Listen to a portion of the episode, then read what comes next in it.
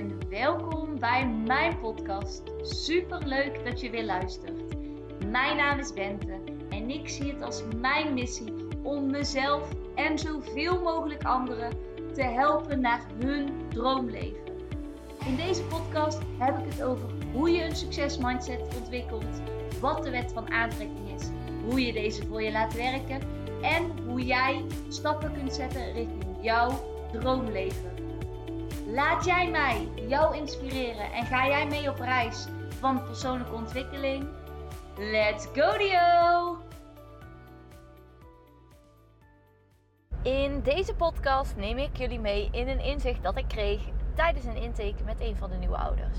Zoals je misschien wel weet, werk ik als leerkracht in het basisonderwijs in groep 1-2. En een van de dingen die we altijd doen voordat een kind start op school, is een aantal weken vooraf een gesprek voeren met de ouders en het kind dat komen gaat. In dat gesprek vertel ik een stukje over hoe het er in de klas aan toe gaat. Wat een beetje van de kinderen wordt verwacht, hoe wij erin staan, uh, overwendmomenten, dat soort dingen. En uh, ik vertelde dat eigenlijk uh, er een soort vaste routine is waar we ons heel vaak aan houden op een bepaalde dag. Er is een soort volgorde. Dan komen kinderen binnen, mogen ze iets gaan doen. Dan komen ze in de kring. Dan mogen ze zelf kiezen wat ze gaan doen. En uh, nou, zo legde ik dat een beetje uit. En toen zei de vader eigenlijk met een beetje een schrik, een, ja, hoe zeg je dat? Een beetje een geschrokken blik, zei hij tegen mij: Maar mogen ze dan alles zelf kiezen? Of ze mogen toch niet alles zelf kiezen? En um, ik dacht, oh wat grappig. Waar ik dat juist super mooi vond. En ik zag ook dat die moeder dat ook echt iets moois vond. Um, zag ik een bepaalde angst van, oh maar dadelijk is hij niet zo ver. En dat vind ik heel grappig. Want keuzevrijheid is mega belangrijk. Voor kinderen, voor volwassenen, eigenlijk voor iedereen. En wat ik soms wel eens vind rinkelen en vind missen in het schoolsysteem is... Wij, wij leren kinderen in groep 1, 2... Of kinderen leren door het leven, net hoe je het bekijkt. Maar een mate van zelfstandigheid aan. Het kiezen van een eigen taakje. Het opruimen van je eigen werk. Uh, dat soort dingen. Kinderen in groep 1, 2 kunnen super goed opruimen. Vervolgens gaan ze naar groep 3. Dan wordt het veel schoolser. In ieder geval op veel scholen. En dan in één keer eh, moeten ze heel de dag door bepaalde lessen op, bepaald, of, ja, op bepaalde tijden, op vastgestelde tijden. Moeten ze eten op vastgestelde tijden en is er eigenlijk zo goed als geen keuzevrijheid meer. Dus van, nou zeg, 60, 70 procent keuzevrijheid naar 5 misschien. Een beetje afhankelijk van de leerkracht en natuurlijk de manier van lesgeven. Maar je gaat naar veel minder keuzemogelijkheden dat is voor een kind super moeilijk. En het is eigenlijk helemaal niet gek dat dat weerstand oplevert bij kinderen. Dat is ook echt iets, een van de punten waar ik zwaar tegen aanloop.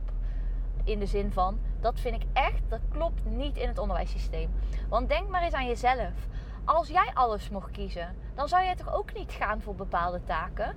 En tuurlijk, als volwassene en als kind er zijn bepaalde dingen die moeten. Maar als jij keuzes hebt in de dingen die moeten, dus bij je werk, welke taak zou jij beter oppakken? Eén die jou wordt opgelegd, of één taak waaruit je uit vijf taken kon kiezen en één taak moet je op je nemen? Dan weet ik zeker dat bij 90% van alle mensen dat die veel beter gaan op het tweede. Want als je alles kon kiezen, en dat is letterlijk hoe het is in het leven, ook al voelt het soms niet zo, maar als je alles kon kiezen, wat zou je dan kiezen? En echt het gevoel en het besef dat dat is hoe het werkt in het leven, dat is echt wat ik iedereen gun. Want als kind kun je alles kiezen wat je graag later ook wil worden. Echt alles is mogelijk. Maar ook als volwassene. En het deed. Het ja, de uitspraak van zijn vader liet me gewoon heel erg nadenken van, oh ja, wij zitten hier met drie mensen, wij kijken naar hetzelfde en wij denken alle drie op een totaal andere manier. En het ene, geloof ik dan tenminste, dat is mijn mening, het ene is puur gebaseerd op angst, want hij kan nog niet eens een potlood vasthouden. Ik legde vervolgens uit dat het heel normaal is. Dat we heel vaak zien, elk kind heeft zijn eigen interesse. In die interesse ontwikkelt een kind zich sneller. Het is absoluut niet zo dat we andere dingen niet zullen stimuleren en niet aan bod laten komen. Maar we gaan een kind niet meteen vanaf het begin allerlei dingen opleggen. dat is iets waar ik bijna trots over kan vertellen. Want daar sta ik ook helemaal achter. Ik sta er niet achter dat een kind alleen maar verplichte dingen moet doen die wij als volwassenen hebben bedacht. Dat past niet bij de leeftijd, het hoort niet bij kinderen. Dat vindt geen enkel mens fijn als heel de dag door jou alleen maar dingen worden opgelegd. Dus ook een kind niet. En door in zijn visie te stappen van ja, uh, dadelijk, want dan kan hij dat dadelijk niet. Dat zegt hij natuurlijk niet letterlijk, maar dat is ergens wel misschien wat hij bedoelt. En dat is wel gewoon heel interessant, wederom weer. Drie mensen kijken naar dezelfde situatie en zien iets totaal anders. En het is ook interessant om te zien, de ene denkwijze is gebaseerd op liefde, op overvloed. Er is genoeg, er is voldoende. Ieder kind loopt zijn eigen pad en iedereen doet dat op zijn eigen tempo. En het andere is vanuit angst. Wat nou als hij er niet komt? Maar als wij niet meer doen, dan kan een kind er misschien niet mee komen. En dat is precies hoe ik iedereen gun om die overstap te maken.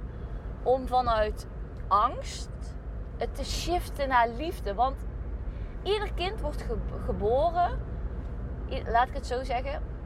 Niet ieder kind wordt geboren met tien vingers en tien tenen. Maar de meeste kinderen die naar school komen, die kunnen gewoon mee in de school. In de zin van ze kunnen naar school komen, ze kunnen naar de wc, dat soort basisdingen. En als dat is wat ze kunnen, dan mag je erop vertrouwen, in welke klas je kind dan ook zit, dat hij of zij er wel komt. En ja, dat betekent niet dat het makkelijk wordt. Want soms zal je kind ook mensen op zijn of haar pad krijgen. En jij ook als volwassene. Ook leerkrachten. Die jouw kind niet snappen. Maar in een wereld waar jouw kind zoveel mensen kan tegenkomen. Die tegen hem of haar zijn. Want zo werkt het in de wereld. Wees alsjeblieft dan iemand. Wees dan een bron van liefde. Die wel achter jouw eigen kind staat. Wees iemand waar je kind altijd op terug kan vallen. Waarvan jouw kind weet dat het altijd goed is. En dat betekent niet dat er geen regels zijn. Maar zorg alsjeblieft dat je kind altijd weet dat er iemand is waar hij of zij op kan terugvallen. En dat er vanuit vertrouwen naar hem wordt gekeken. En dat, daarmee wil ik niet zeggen dat als je vanuit angst kijkt, dat je geen vertrouwen hebt in je kind. En dat dat negatief is. Want ik weet juist vanuit het bezorgde, het is alleen maar positief bedoeld. Maar ik gun het elk kind en ik gun het jou. Dat je met liefde naar jouw kind en naar de kinderen van anderen kijkt. Want als je met liefde kunt kijken, dan is elk kind altijd genoeg.